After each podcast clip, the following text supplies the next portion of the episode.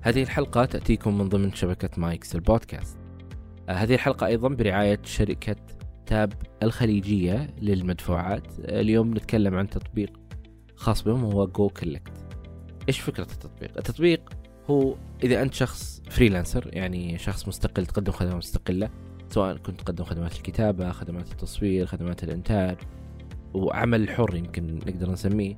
في الآن حتى عندنا في مبادرة في السعودية في الوزارة مرتبطة بال freelancer المستقلين وتقدر تعمل بشكل مستقل. آه، أو شخص أنت من من اللي عندهم متاجر أونلاين عندك إنستغرام أو من الأسر المنتجة أو أيا كان من المنصات اللي أنت جالس تقدم فيها منتجات أو تقدم آه، خدمات خاصة بك. هذا التطبيق راح يساعدك بشكل كبير في إدارة فواتيرك. آه، فكرته ببساطة على أساس أنه أنت ما تدخل في موضوع إنه هذا الآيبان وعطني الآيبان وهذا الحساب وإيش حسابك كتب حسابي غلط حسابه صح طيب وصلت لا بتوصل بكرة بتوصل بعد بكرة. يعني هو بنك وأنت بنك طيب رسوم ما يعني كل هالسوالف هذه ما هي موجودة. آه، لأنه أنت بكل بساطة راح تنشئ فاتورة وحتى وانت تنشئ الفاتورة تقدر تقول يعني مثلا بالسعودية بالذات إحنا عندنا اللي هي الضريبة فتقدر تحدد إنه تضيف الضريبة على طول وتضيفها من من الفاتورة من التطبيق نفسه. ترسل له الفاتورة هو يدخل يدفعها. والتطبيق يتولى مهمة إيصال المبالغ آه، لك. سواء بترسلها له على الإيميل سواء بترسلها له آه، واتساب اللي اللي تبغاه. رقم جواله كل الطرق متاحة. هذه الفاتورة وهي مستحقة بالوقت الفلاني. هذا تساعدك في إدارة فواتيرك كلها. ما تتلخبط من اللي من اللي حول ما حول من اللي سدد ما سدد من اللي دفع ما أدري إيش. هذه كلها آه، ما راح تهمك بعد حصولك على تطبيق جو آه، كولكت أتمنى منك يا المستمع إذا كنت مهتم بهذا التطبيق تروح تحمله. تلقون تفاصيل الشركة وتفاصيل الروابط التحميل موجودة في وصف هذه الحلقة. أو إذا كنت تعرف شخص قد يهمه هذا الشيء أتمنى منك ترسل له. المعلنين آه، هم آه، من يساعدنا في استمرار في تقديم هذا البودكاست والوصول لعدد أكبر وأنه يصلكم هذا المنتج بالشكل اللي أنتم تشوفونه اللي هو بودكاست وجدان. بإمكانكم آه، تحملون التطبيق تشوفونه ممكن يعجبكم. بإمكانكم تشاركونه مع أحد. بإمكانكم تروحون تتابعون حساب الشركة على تويتر. أنكم جايين عن طريق آه، بودكاست آه، وجدان. وشكرا لكم يا أصدقائي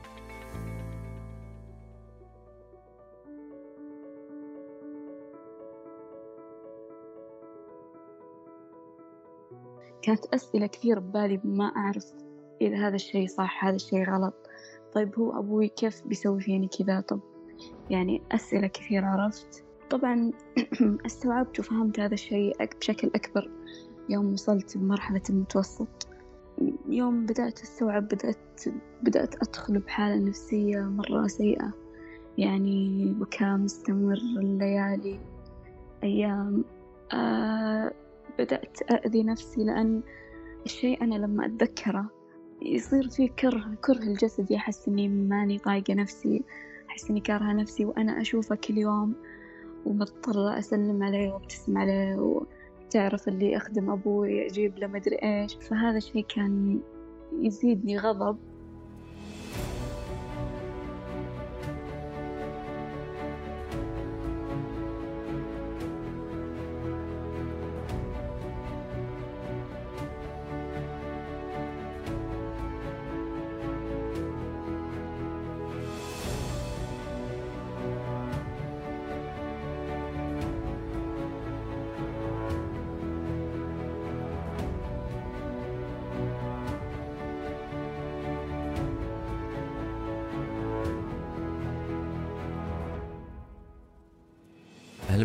أصدقاء في هذه الحلقة تشاركنا رغد قصة حصلت لها في عمر مبكر من حياتها. آه، ثلاث سنوات أو ست سنوات. التجربة اللي أثرت عليها بشكل كبير وهي تجربة حادثة التحرش الجنسي اللي حصلت لها وهي طفلة. في كثير من الأحيان إحنا نستغرب كيف الطفل ممكن يتذكر هذه الأشياء أو حتى آه، نعتقد أنه ما راح يتذكر هذه الأشياء آه، اللي حصلت له في عمر مبكر. رغد تعطينا هذه القصة وتعطينا هذه التجربة وكيف أثرت عليها هذه الحادثة؟ لسنوات طويلة كيف هي لا تزال تتذكر تلك الحادثة بتفاصيلها. آه، وكيف هي الآن في مرحلة من التشافي والتعافي والتعايش مع ما حصل. آه، هذه القصة بدأت من عمر مبكر من عمر ثلاثة وحتى ست سنوات حتى هذه اللحظة. رحلتها في البحث عن المساعدة. آه، ورحلتها في البحث عن الشخص المناسب لمساعدتها. لا تنسوا أصدقاء تقييم بودكاست وجدان على آيتونز أو على أبل بودكاست. كذلك مشاركة الحلقات السابقة مع من تحبون عبر منصات التواصل المختلفة. أي شخص حاب يشارك تجربته معنا هنا على البودكاست أتمنى منك أنك تتواصل معي على العنوان البريدي وهو أسامة وجدان dot com تجدون كل ما ذكرناه في وصف هذه الحلقة كذلك طرق التواصل في وصف هذه الحلقة. أنا موجود على تويتر تكتب أسامة الجيفان وتكتب أسامة آيستي إن شاء الله بطلع لك. وشكرا لكم. أنا أسامة الجيفان وهذا وجدان.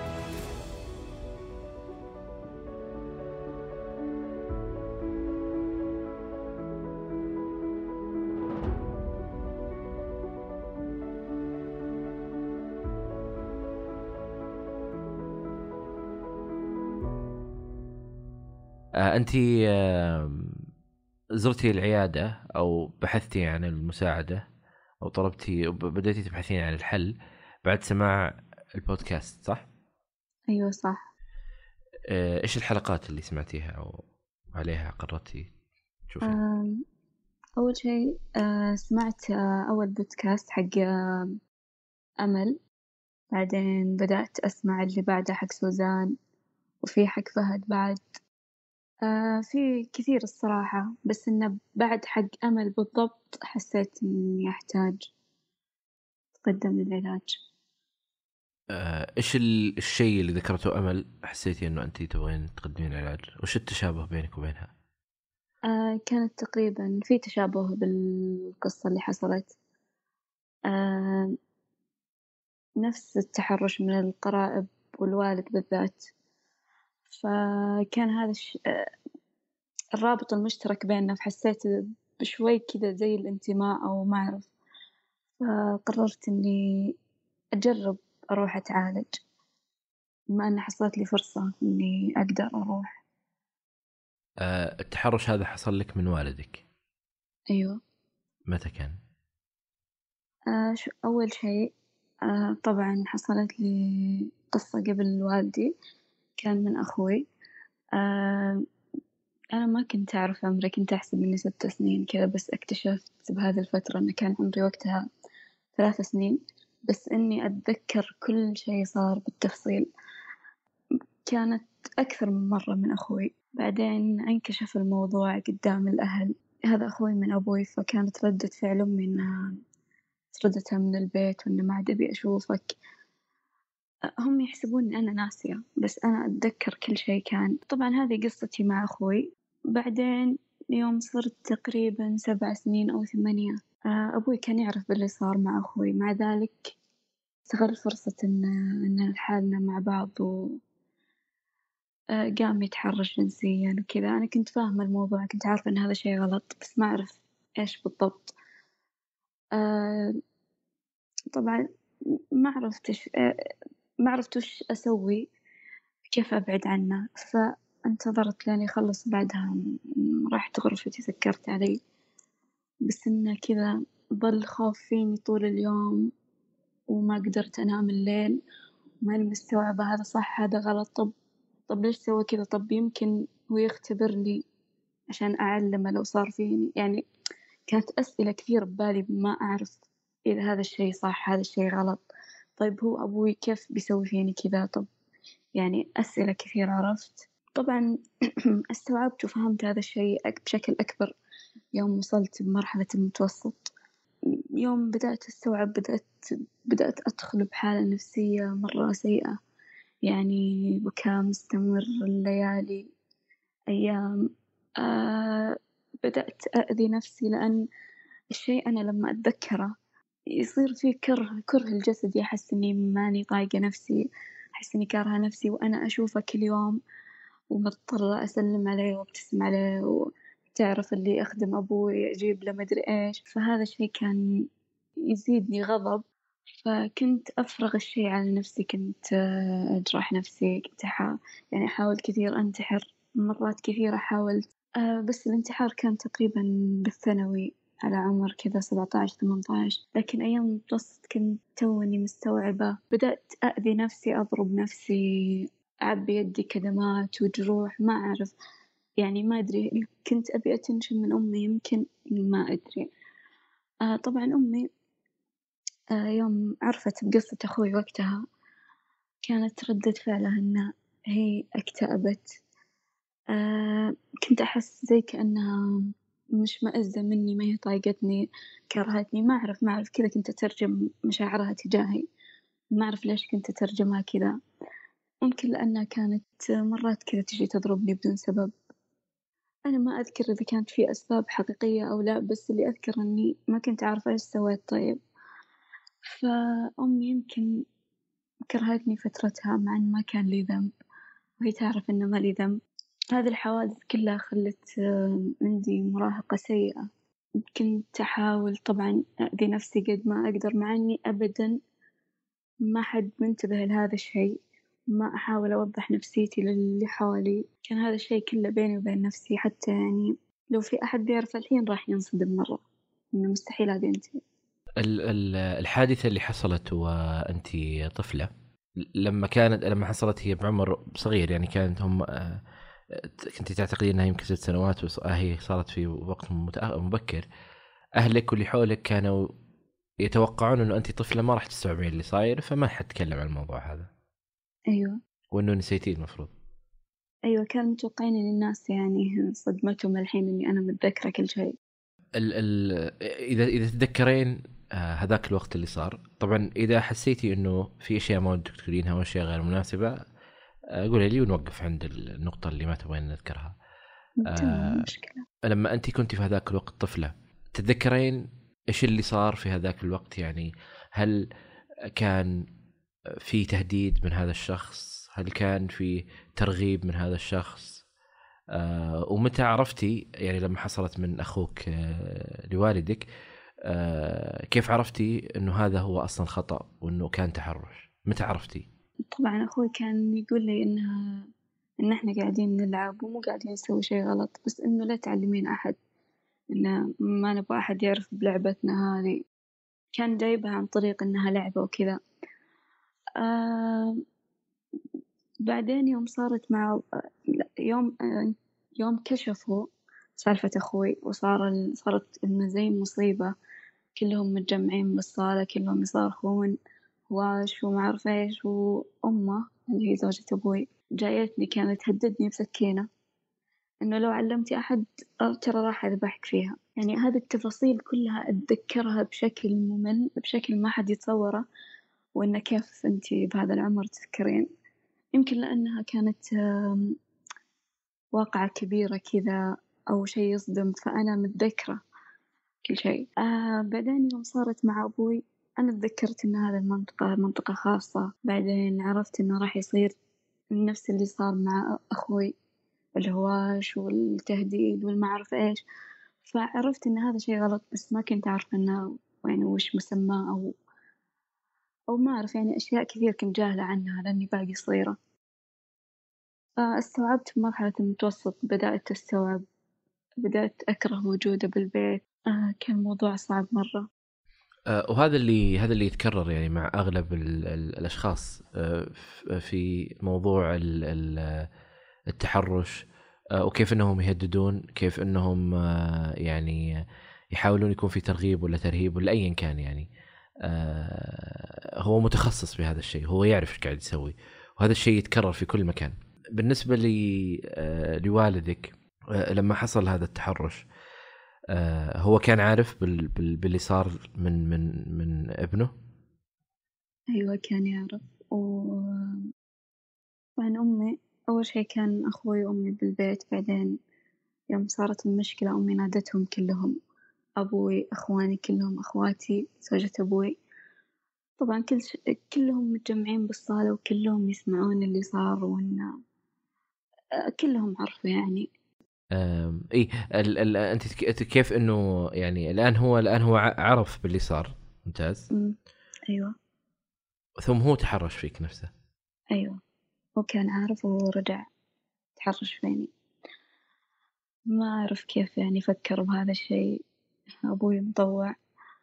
آه طبعا هذه مطوع وملتحي واللي مقصر توبة واللي ما يسمع أغاني واللي يأمر بالمعروف وينهى عن المنكر ومن هذه المواضيع ومتزوج ثنتين. ومع ذلك يعني أشتهى طفلة واللي هي بنتها بنته. خلال الفترة هذه يعني من حادثة التحرش اللي حصلت لك من آه من ال من أخوك من يعني من والدك إيش صار خلال هذه الفترة؟ يعني من من من من هذيك اللحظة حتى يمكن وصلتي ثانوي آه أو أنت في الجامعة الآن ولا خلصتي؟ لا أنا خلصت جامعة آه الفترة هذه كلها كيف كانت حياتك؟ طبعا أنا كنت كنت عارفة إني إن فيني اكتئاب بس ما كنت كنت أشوف إن العلاج النفسي شي أبعد من المستحيل بالذات عند أهلي وأنا مو من النوع اللي يتكلم أنا ما أتكلم بالواقع بس لو تلاقيني كذا على الجوال يعني يوم بدأت يوم بدأت يوم بدأ يكون عندي جوال ومواقع تواصل اجتماعي كذا بالمتوسط يعني بدأت أكتب اللي أحسه. آه ممكن أدور أشخاص مثلي وأروح أتكلم معهم وأقدر أرتاح لهم وأقدر أعبر لهم عن اللي أحسه واللي صار بدون ما أحس بإحراج. يعني كنت أنا قبل أشوف إن هذا الشي محرج. طبعا أكيد الحين لا. طبعا الفترة كانت مرة فترة سيئة ما أقدر أوصف قد إيش هي سيئة. من محاولات انتحار إلى محاولات إيذاء النفس محاولات آه، عندي أنا بعد عندي زي إن إذا عصبت أصير آكل كثير بشراهة أو أصير أضرب نفسي كذا بشكل قوي وبشكل ما يهمني إذا إني تأذيت بشكل يؤدي للموت ما كان يهمني يعني ما أعرف كيف. المهم أن كانت الفترة فترة المتوسط آه، تقريبا كئيبة. آه، أغلبها أيام مستمرة بكاء بعدين آه، فترة الثانوي كنت أحاول أبحث عن أطباء نفسيين كذا أونلاين بس ما كان مرة كثير. الأغلب إذا شفت إذا حسيت إن في شخص يشبهني من هذا الناحية أبدأ أتكلم له وأفرغ عن نفسي لكن أنا بالواقع أبدا ما حد منتبه لهذا الشيء أو حتى يتوقع ولا واحد بالمية إني أنا فيني هذا كله. ما كنت أحب أوضح. ف طبعا حصلت لي أسوأ انتكاسة وأنا مخلصة من الثانوي طالعة للجامعة. كانت سنة مرة سيئة. كانت كنت تقريبا محبوسة بالبيت ويعني أشياء كثير قاعد تصير بالبيت سيئة. وقتها انقبلت بالجامعة وكنت أسكت نفسي بإني خلاص آه راح آخذ الشهادة راح أسكت راح أسكت هذه السنين كلها. أحاول آخذ الشهادة وخلاص إني راح أطلع من هذا البيت. فأنا تحملت السنين هذه كلها ليش ما راح أقدر أتحمل أربع سنين بالكثير؟ طبعا كنت أسكت نفسي بهذا الشيء كل مرة كل مرة تجيني انتكاسة وأرجع أتعب وأرجع أحاول أنتحر. أرجع أقوم وأرجع أقول لأ إنه خلاص راح تقدرين تخلصين من هذا الشيء. من هذا الأب على الأقل يعني. و آه، بعدين الترم اللي فات كان عندي تدريب بالجامعة كان كانت كل ال... كل المواد أونلاين أصلا كان كله عن بعد. بس التدريب قرروا إنه يكون حضوري فجتني فرصة أتدرب بمستشفى التخصصي. بعدين استوعبت من من أول أسبوعين إنه ترى في الأمل موجود بالتخصصي إنه ليش ما أروح؟ ليش ما جتني الفرصة لين قدامي لدرجة ما استوعبتها. فيوم بدأت كذا أفكر إنه جنبي مستشفى جنب اللي أتدرب فيه ليش ما أروح؟ يعني لو على الأقل أغتنم الفرصة هذي حتى لو ما ما لقيت نتيجة كويسة يعني. ففعلا يعني رحت بدأت كنت متخوفة مرة يعني لأنه ما ما يمدحون كثير الدكاترة المستشفيات الحكومية ما أعرف. ف قلت خلاص أجرب وفعلا رحت آه، أول جلسة. كان تشخيصها لي اكتئاب واضطراب الشخصية الحدية وإن نعطيك مضادات اكتئاب ونعطيك آه، حبوب مهدئة للأعصاب وما أعرف إيش. مع إن ما ما حبيت أول جلسة لأن آه سألتني إذا إن في أحد حولك كمان تعرض للتحرش أو تعرفين أحد كذا. قلت إيه أنا الصراحة أصدقائي يعني أو تدري يعني هذه النسبة أنا عرفتها من اللي حولي إن كل عشرة من صديقاتي في منهم تقريبا ثمانية تم التحرش فيهم طفولتهم. فأنا نص صديقاتي أو أو أكثر من النص يعني تم التحرش فيهم زمان. في بعضهم يعني كنا جالسين جلسة واعترفنا البعض بهذا الشيء. فقلت لها إيه إن أنا أعرف صديقاتي كذا آه اللي خالها واللي عمها واللي ما أعرف مين. فقالت لي طيب شفتي؟ يعني عادي. يعني كل اللي حولك كذا. يعني نرفزتني حسستني إن الموضوع مرة شي طبيعي وإن ترى عادي الكل يتحرش الكل يتم التحرش فيه. هذه الطبيبة النفسية. أيوة. قالت لي ما أدري هو خان هالكلام يعني أو كانت تبي تقصد شي ثاني ما أعرف بالضبط. لكن لما قالت كذا أنا رجعت البيت أبكي لأنها حسستني إن أنا ولا شي طيب طب عادي. يعني وإذا تحرش بك أبوك وإذا أخوك وإذا مدري مين. ف طبعا بدأت أستخدم العلاجات. كان كل أسبوعين لازم أروح الموعد. فبعد بعد أسبوعين يوم رحت الموعد ما كانت موجودة وأشوى إنها ما كانت موجودة. كانت في واحدة ثانية. قلت أوكي أجرب. يعني أفضل من إني أرجع لها هي نفسها لأني ما حبيتها. ف يوم رحت لهذيك الثانية الصراحة كانت كويسة مرة. مع إنها ما أعرف ما حسيت إنها مو مهتمة لكلامي مرة وما أعرف. بس إنها كانت ردودها كويسة وإنها متفاهمة باللي صار وما أعرف إيش وإنها حاسة بشعورك و... يعني شوي حسستني إن موضوع موضوعي شي يستحق إنه ينظر فيه. ف آه، قامت آه، قالت إنه خلاص كيف الحبوب؟ أول شي سألتني. قلت تمام. آه بعدين قالت إنه ما لقيت حبوبي. قلت لها إنه كيف ما أقدر أتركها وما أعرف إيه فطلبت لي رفعت لي الجرعة. آه يعني كان كويس إنها رفعت لي الجرعة. أحس إني صرت أفضل. فاستمريت لين انتهت فترة تدريبي إن كل مرة آخذ مواعيد وكذا. كان تدريبي ثلاثة شهور. آه فلما انتهى التدريب كان مرة صعب علي إني أطلع. آه لأنه كان من ورا أهلي وما في أحد يعرف وما أعرف إيش. ف حاولت أكثر من مرة أتعذر إن بروح أجيب شي شي ضروري شي ما أعرف إيش. بعدين آه علمت أختي وصارت تغطي هي علي مرات. ف صار الموضوع أسهل شوي. بعدين بدأت رجعت هذه الفترة أو يعني من شهر تقريبا أو أكثر.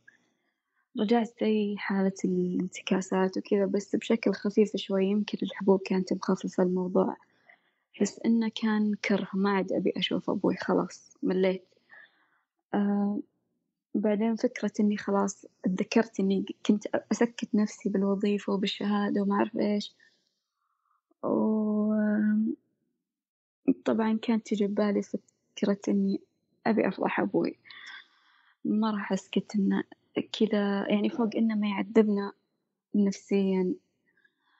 آه يعني هو أبدا ما في أي مساعدات لا معنوية ولا عاطفية ولا مادية ولا ولا أي شي يخليني أقدر أقول عنه أبو.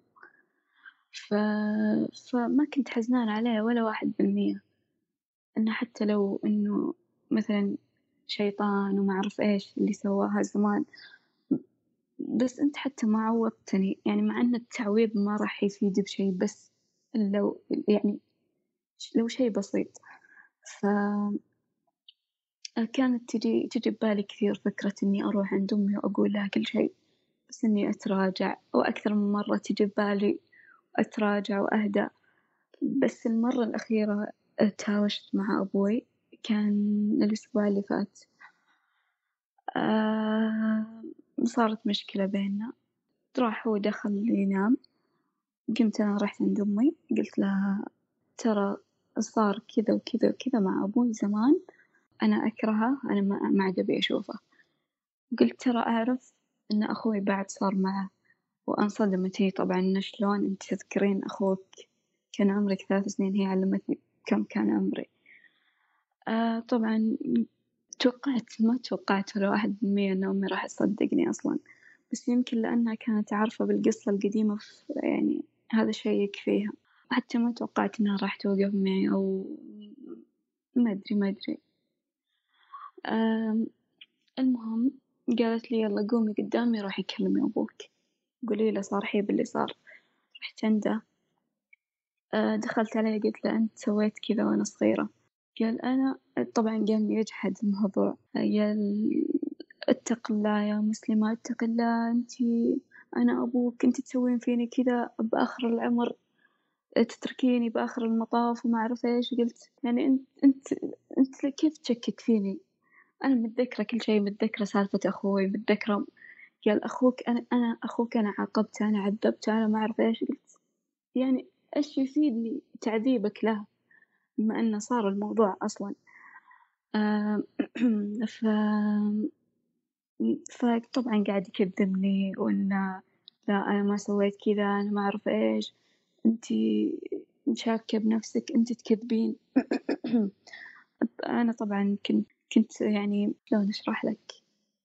إنه واثقة من نفسي من كلامي. إنه لأ ما تكذبني أنت ما تشككني بنفسي. أنا أتذكر أشياء أنت ما تتذكرها.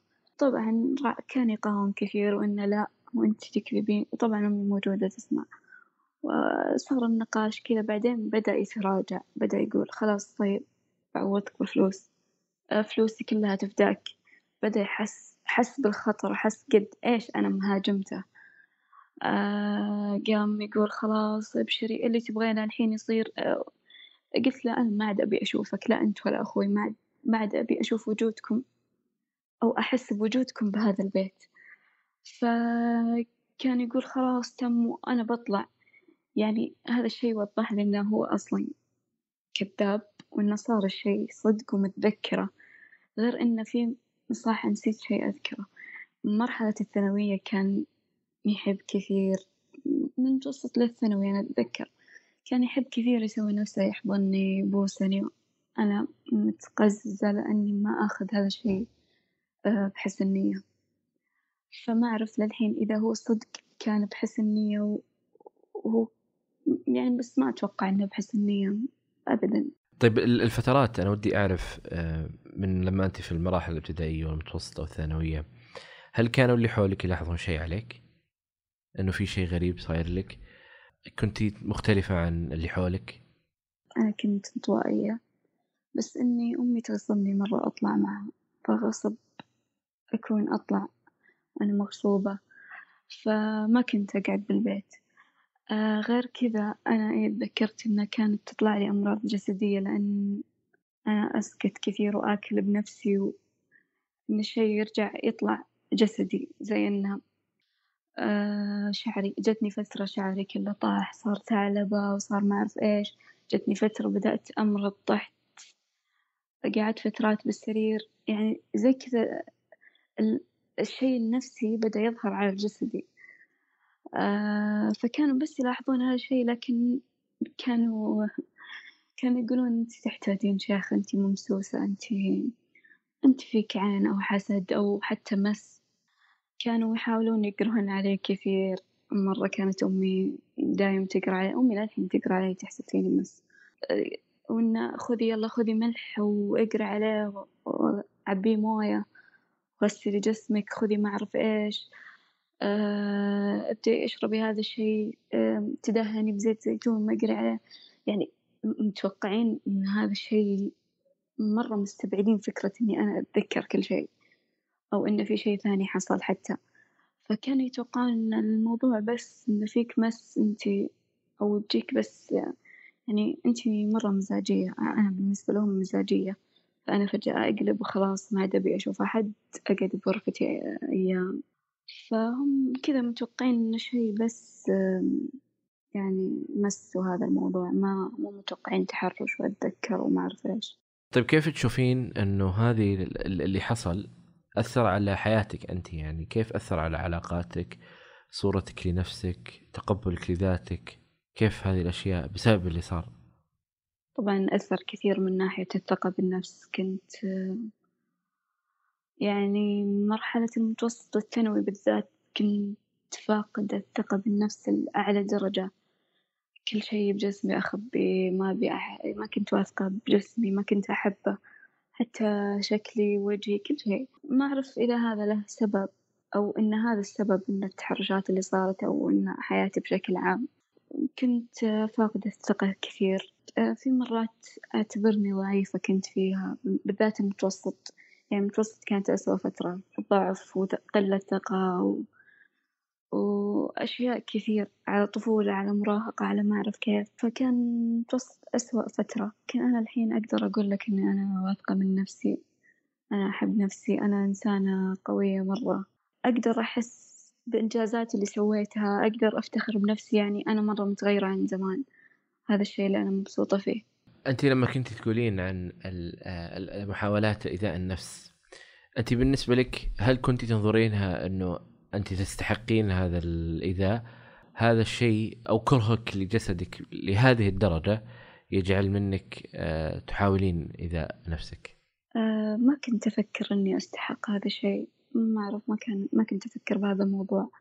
بس أه يوم كنت يوم كانت تجيني لحظات إني أتذكر كنت أحس بزي القرف والكره وكذا كنت كارهة هذا الجسم. مو عشاني أستحق ما أعرف عشان إيش. بس تقريبا لأني كارهة كارهة جسمي كارهة اللي صار فيه. ما كنت ماخذته عشاني بس كارهة.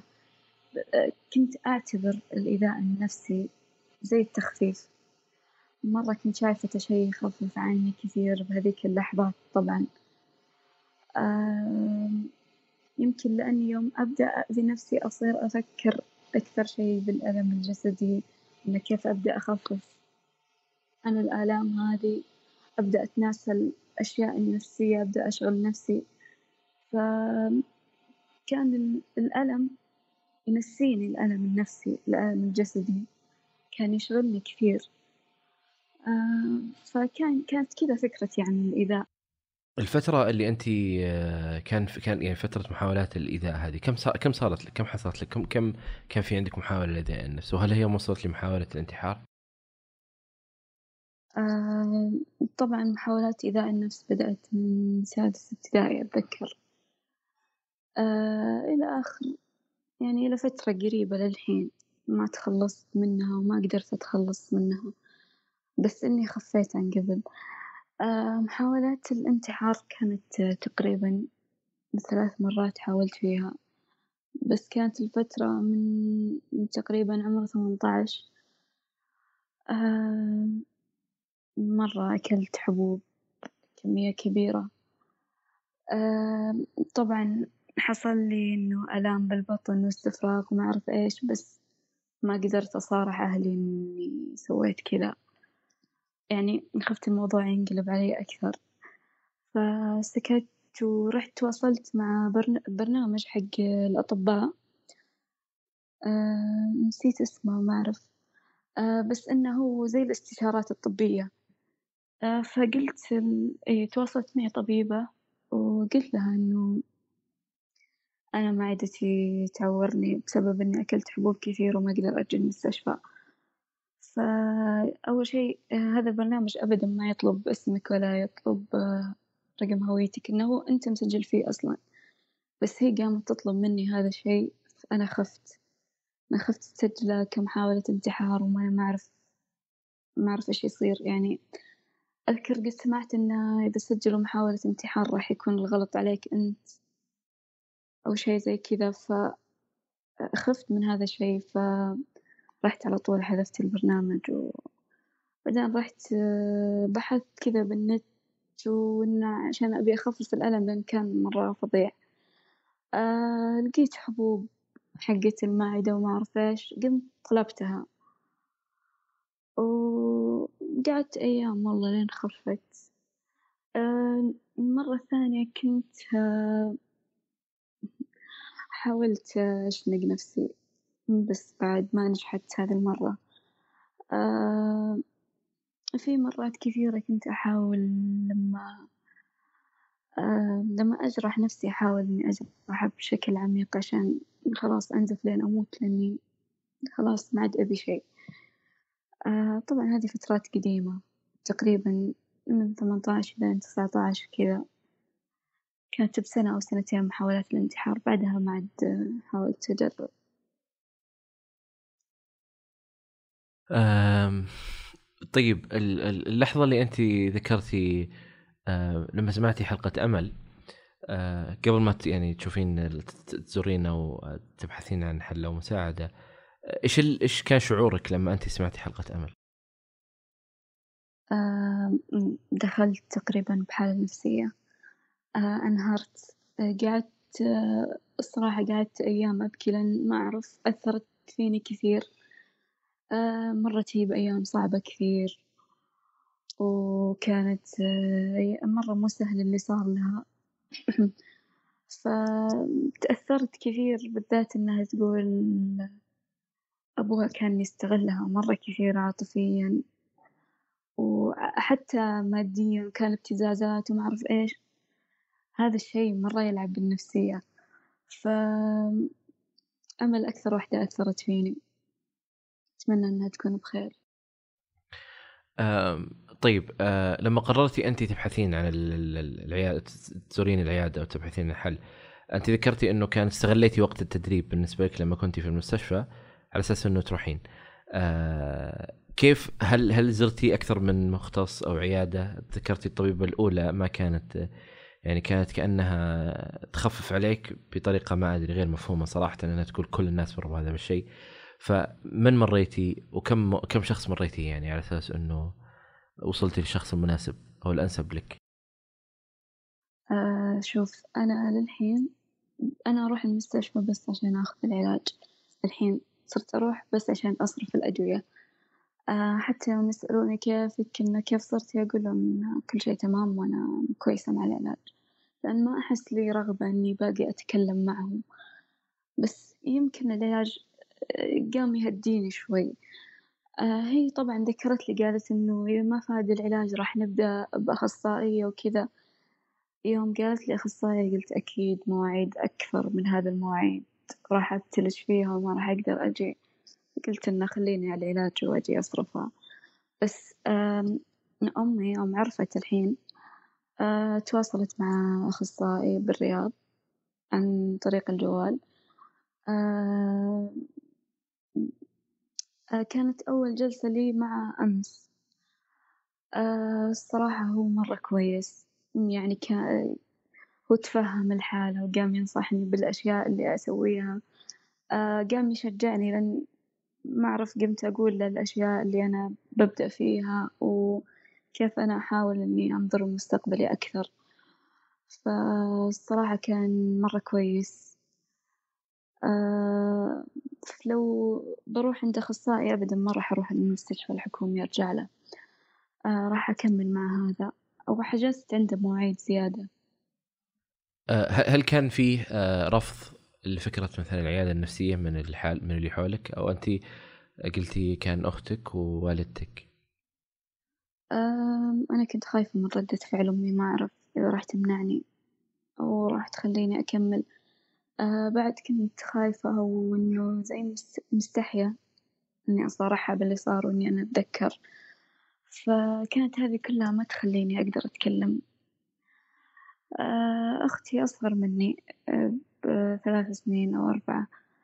فعادي أختي أقدر أقول لها أي شي أقدر أقول لها كذا صار لي وأنتي غطي عني آه أنا بروح أنا عندي أدوية آخذها نفسية وما أعرف إيش. يعني أختي مرة كويسة. فأمي ما كانت تعرف بس أختي. لين بعدين يعني يوم ما اعترفت لأمي باللي صار كله آه هي بدأت هي يوم عرفت إني أنا راح زرت أكثر من عيادة وأكثر من دكتورة وعندي تشخيص اكتئاب و فهي بدأت خافت شوي. بدأت تحس إن الموضوع جدي مع إنها للحين مستمرة تحسب إن الموضوع متعلق بالصلاة والعبادة وإن هذا الشيء لازم ترقين نفسك ما أعرف إيش. طيب هل هل أنت لاحظتي الآن فرق بالنسبة لك؟ يعني لما مثلا قبل ما تسمعين تجربة أمل وقبل ما تزورين العيادة هل حسيتي في فرق بالنسبة لحياتك ونفسيتك؟ آه، أكيد كان في فرق كثير. آه، ما أعرف صرت أحس إني أحسن من قبل. آه، أنا أقوى من قبل أنا أفضل من قبل أنا أقدر أقدر أفضح. أنا عندي بيدي سلاح أقدر أفضحك. أقدر أخرب كل شي بحياتك لأنك أنت خربت حياتي. فبدأت أفكر بهذا الموضوع من هذه الناحية إني أقدر ما أشوفك لأن أنا ما أبغى أشوفك وأقدر ما أسلم عليك. مو, مو كل شيء إجباري. فبدأت أحس إني شوي قاعدة أرتاح شوي آه، طبعا الراحة الكبيرة اللي وصلت لها يوم تكلمت يوم فضحته حسيت براحة فظيعة ما أعرف يمكن كنت أحتاج من سنين أتكلم وأقول هذا الشي قدام أهلي. و... فأي حسيت بفرق. آه الأدوية بعد آه خففت يعني حسنت من المزاج شوي. آه خففت من من الإيذاء النفسي. بدأت أخف شوي. بس. آه آه أعتقد يعني كان يمكن خيار آه ممتاز لما أنت ذكرتي لوالدتك وحتى لو كان الموضوع بالنسبة لها ما هو سهل ويمكن لا تزال تذكر لك عن فكرة ال ال إنه أمر مرتبط بالصلاة أو دين أو ايا كان لكن خطوة إنها مصارحة المجرم ومصارحه المتحرش آه، خطوة مهمة يعني للتعافي والتشافي من اللي حصل. صح بالضبط. يعني أنا أبي أقول لكل شخص تم التحرش به إنه ما يسكت ابدا لأن أنت تقدر تفضح المتحرش أنت تقدر تهدم حياته كلها. أه تقدر تسوي يعني تقدر تعذبه نفسيا أكثر من اللي عذبك آه فهذا الشيء يعني لازم تحطونه ببالكم. وأنا الصراحة بكل شخص حصل له مثل هذا الموقف إنه يكون قوي ويحاول يروح يعالج يحاول يروح المختصين يتكلم معهم. آه في كثير في كثير ناس مستعدة تسمع له تسمع لهذا المتحرش تساعده متحرش به تساعده وتوقف معاه لين يعني لين يتخذ أصح خطواته بالحياة. هل في أشياء تحسين إنها ساعدتك إنك تتخطين اللي صار إضافة على يعني زيارتك للعيادة؟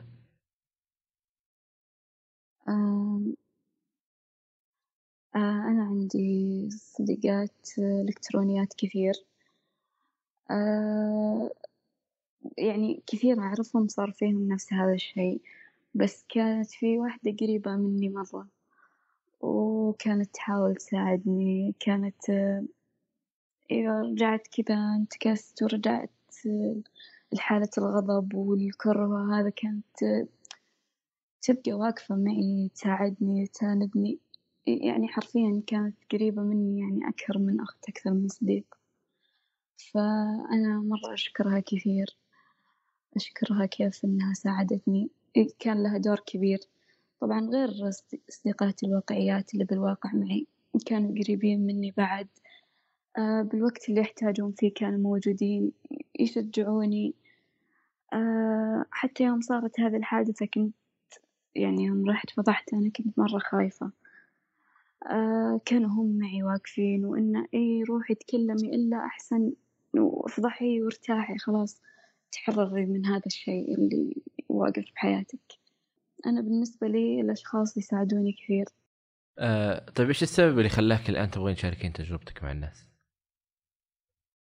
آه، أبي نفسي اللي صار لهم نفس هذا الموقف إنهم ما يوقفون ما ي... يعني أنا أبيهم يستمرون بالحياة أبيهم يشوفون مستقبلهم أبيهم يتخذون كل خطواتهم الكويسة يعني أول شي طبعا أكيد وأهم شي التركيز بالدراسة وإنه أهم شي بعد الشهادة الجامعية عشان يبدأ الشخص يعتمد على نفسه آه يلقى له وظيفة. طبعا أكيد آه أنا أبيهم يصبحون كل متحرش. آه أبي الوعي يكون منتشر بمجتمعنا أكثر من كذا مع إني أنا ملاحظة إن صرنا بوعي أكثر. يعني ولو إنه بنسبة بنسبة بسيطة لكن أكثر من قبل بكثير. فأنا مبسوطة لهذا الشي وأتمنى إني أقدر أنشر وعي أكثر. أتمنى لو أبدأ من اليوم أنشر الوعي آه، بين الأطفال وبين كل الأشخاص اللي تم التحرش بهم آه، فأنا أبيهم يكونون أهم شي بعد إنهم يحبون أنفسهم وإنهم ما لهم ذنب باللي صار ولا واحد بالمية هم يستحقون هذا الشي وإنه يصير لهم يستحقون حياة حلوة. حياة هنيئة. بس بس. آه طيب لو في أحد من الأهالي الآن يسمع يعني الحلقة هذه إيش ممكن تقولين له على الموضوع هذا؟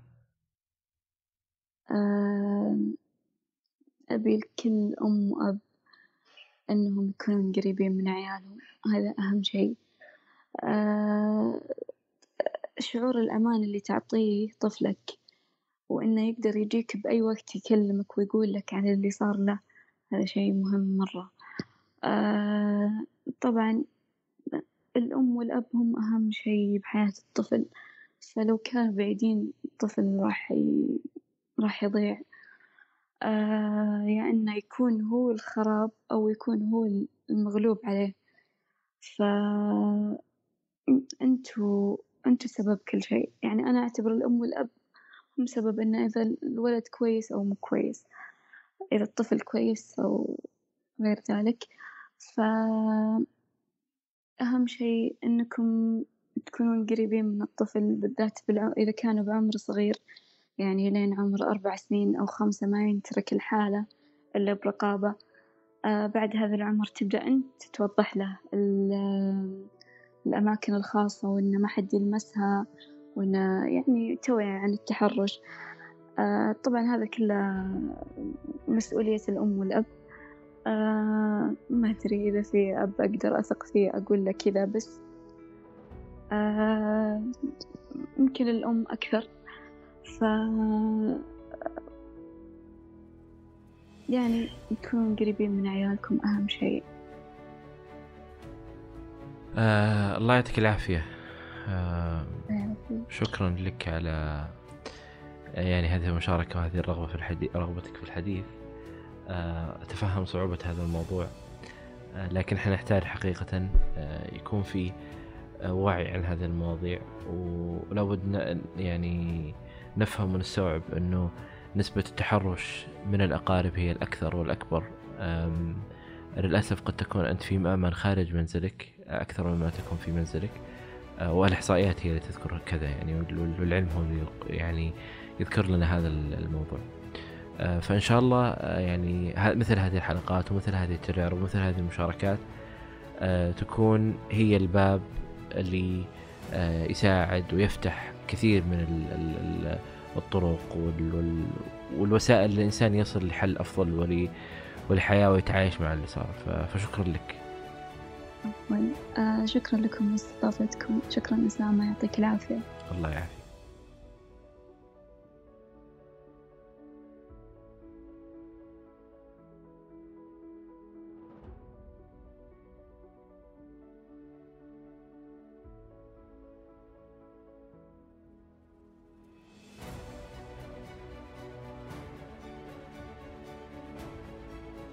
شكرا لكم يا أصدقاء لاستماعكم لهذه الحلقة. لا تنسوا مشاركة الحلقة مع من تحبون عبر منصات التواصل المختلفة. أي شخص حاب يشارك تجربته معي هنا على البودكاست أتمنى منك أنك تتواصل معي على العنوان البريدي وهو أسامة وجدان كل شيء ذكرناه في هذه الحلقة تجدونه في وصف هذه الحلقة وشكرا لكم. أنا أسامة الجيفان وكنتم مع وجدان.